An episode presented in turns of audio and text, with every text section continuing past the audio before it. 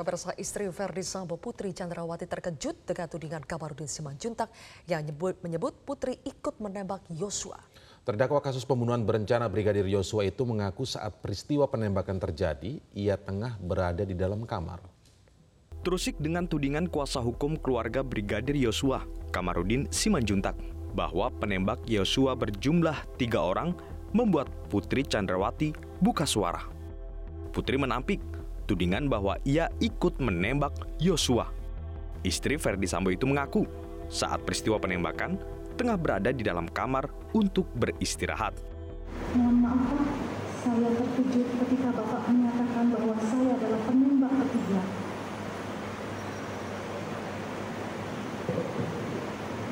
Karena pada saat kejadian saya berada di kamar sedang beristirahat. Dalam sidang minggu lalu, Kamarudin Simanjuntak menyebut Putri Chandrawati ikut menembak Brigadir Yosua di rumah dinas Verdi Sambo di Kompleks Duren 3 Jakarta pada 8 Juli 2022. Kamarudin mendapatkan informasi itu dari investigasi yang ia lakukan. Awalnya dibilang yang menembak berada di Malaysia, tapi kemudian kami temukan fakta baru bahwa yang menembak adalah Verdi Sambo dan Richard Eliezer atau berada di Richard Eliezer bersama dengan Putri Chandrawati. Tiga. Ya, ya, karena ada menggunakan senjata yang diduga buatan Jerman. Ya. Pada surat dakwaan yang diurai jaksa penuntut umum, sebelumnya jaksa memastikan penembak Yosua berjumlah dua orang, yakni Richard Eliezer dan Verdi Sambo. Jaksa bahkan menyebut bahwa tembakan yang dilepaskan Verdi Sambo adalah untuk mengakhiri nyawa Yosua. Setelah tembakan dilepaskan, Sambo kemudian menembakkan pistolnya ke arah dinding untuk merangkai skenario bahwa pemicu Yosua tewas seolah-olah karena tembak-menembak, bukan penembakan. Tim Liputan, Metro TV. Untuk kesekian kalinya kuasa hukum Sambo dan Putri, Febri Diansyah mengingatkan kuasa hukum keluarga Brigadir Yosua Kamarudin Simanjuntak untuk tidak mengada-ada dalam memberikan keterangan dan menyajikan barang bukti di persidangan. Febri balik menuding investigasi yang dilakukan Kamarudin lemah. Betul-betul fokus ke bukti yang sifatnya betul-betul substantif dan uh, relevan. Karena kita kan sama-sama jaga proses persidangan ini sama-sama mencari siapa sebenarnya pelaku yang harus bertanggung jawab.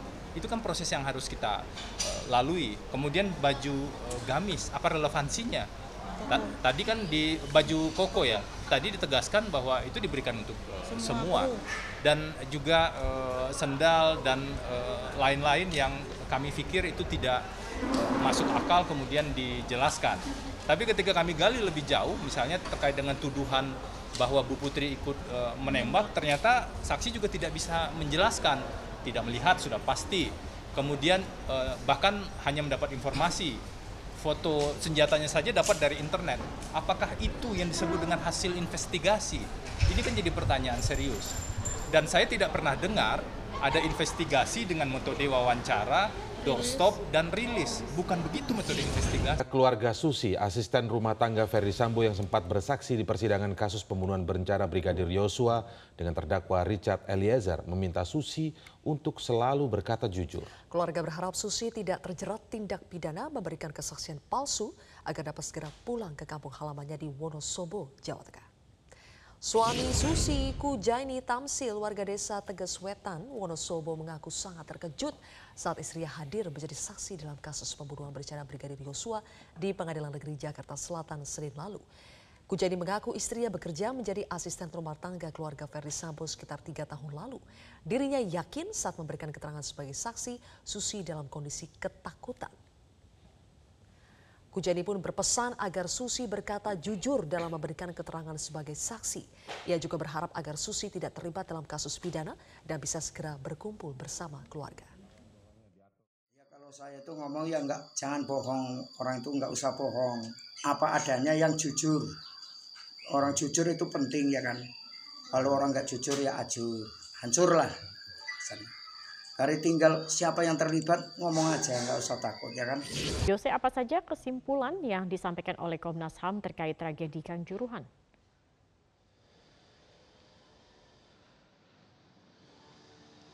Ya, selamat sore Zakia. Baru saja usai konferensi pers yang disampaikan oleh para pimpinan Komnas HAM terkait dengan laporan tragedi Kanjuruhan. Ada sejumlah kesimpulan yang disampaikan oleh para pimpinan Komnas HAM jika kami bisa sampaikan. Yang pertama, Komnas HAM telah resmi menetapkan tragedi Kanjuruhan sebagai pelanggaran uh, hak tindak pelanggaran hak asasi manusia. Ketika kami awak media coba untuk mendalami kenapa tidak dikategorikan sebagai pelanggaran hak asasi manusia berat, pimpinan Komnas HAM menegaskan bahwa tidak ditemukannya unsur sesuai dengan Undang-Undang 26 tahun 2000 terkait dengan pelanggaran hak asasi manusia yang terstruktur atau dalam hal ini terorganisir. Hal kedua yang juga menarik untuk disampaikan Zakia bahwa Komnas HAM menemukan bahwa peraturan keamanan sepak bola yang selama ini dibentuk antara PSSI dan Polri malah justru uh, uh, bisa dikatakan tidak sesuai atau mungkin tidak mematuhi peraturan yang selama ini disepakati antara PSSI dan FIFA. Salah satunya dalam hal ini adalah terkait dengan penggunaan gas air mata. Lalu Komnas HAM juga menyampaikan masalah mendasar yang kedua adalah terkait dengan security officer dan juga para pihak yang terkait dengan penyelenggaraan pertandingan pihak-pihak ini tidak memiliki standarisasi FIFA atau dalam artian di sini memiliki sertifikasi untuk mengisi peran mereka masing-masing. Lalu yang ketiga eh, seperti disampaikan juga oleh para pimpinan Komnas HAM bahwa keselamatan dari pertandingan cenderung terabaikan karena pihak penyelenggara dan PSSI tidak menetapkan pertandingan ini dengan uh, profil atau status sebagai high risk. Sedangkan di sini Ketua Umum PSSI dan juga Sekjen PSSI memiliki kapasitas untuk menetapkan pertandingan ini sebagai pertandingan high risk atau berisiko tinggi. Tetapi berdasarkan pendalaman yang dilakukan oleh pihak Komnas HAM, Sekjen PSSI dan Ketua Umum PSSI di sini tidak memiliki kriteria-kriteria terhadap suatu pertandingan dikatakan sebagai pertandingan high risk atau berisiko berisiko tinggi. Selanjutnya terkait dengan penembakan gas air mata Zakia, pihak dari Komnas HAM juga telah memastikan bahwa uh, gas air mata ini sebagai salah satu indikator pemicu terjadinya korban jiwa yang massal.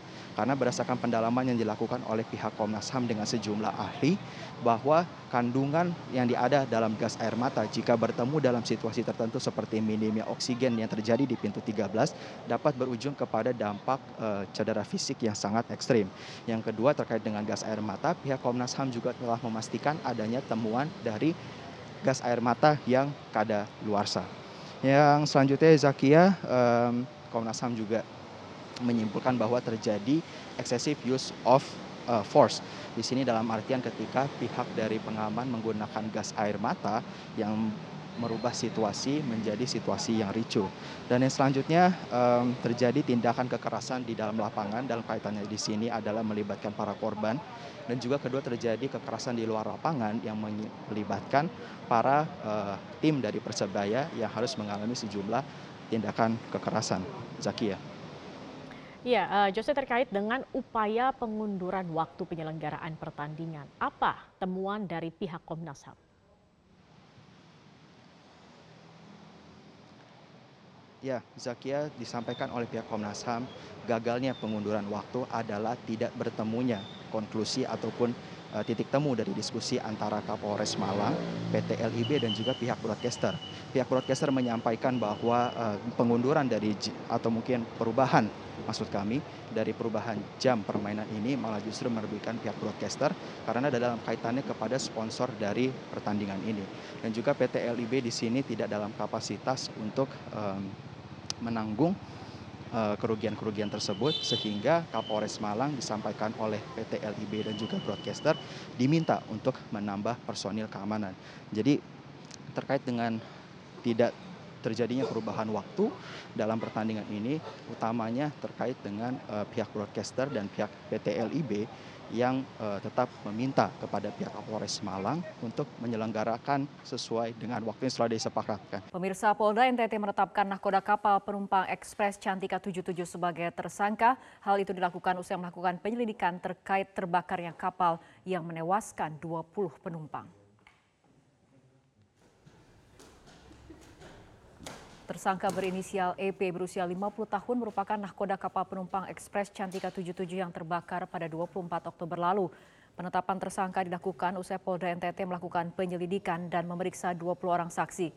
Direksi Krimum Polda NTT Kombes Pol Patar Silalahi mengatakan tersangka EP terancam hukuman pidana penjara maksimal 10 tahun. Saat ini penyidik masih akan terus melakukan pendalaman untuk mengetahui kemungkinan adanya tersangka lain. Kapal Ekspres Cantika 77 diketahui terbakar di perairan Pulau Timor. Sebanyak 325 penumpang berhasil dievakuasi dalam keadaan selamat. Sementara itu 20 orang dilaporkan meninggal dunia. Selain itu hingga saat ini masih ada sebanyak 17 penumpang yang dinyatakan hilang dan masih dalam proses pencarian. Oi, Basarnas, Basarnas, cepat tuh. Basarnas, Basarnas, Tega. Di Pulau Kupang, Pulau Kupang.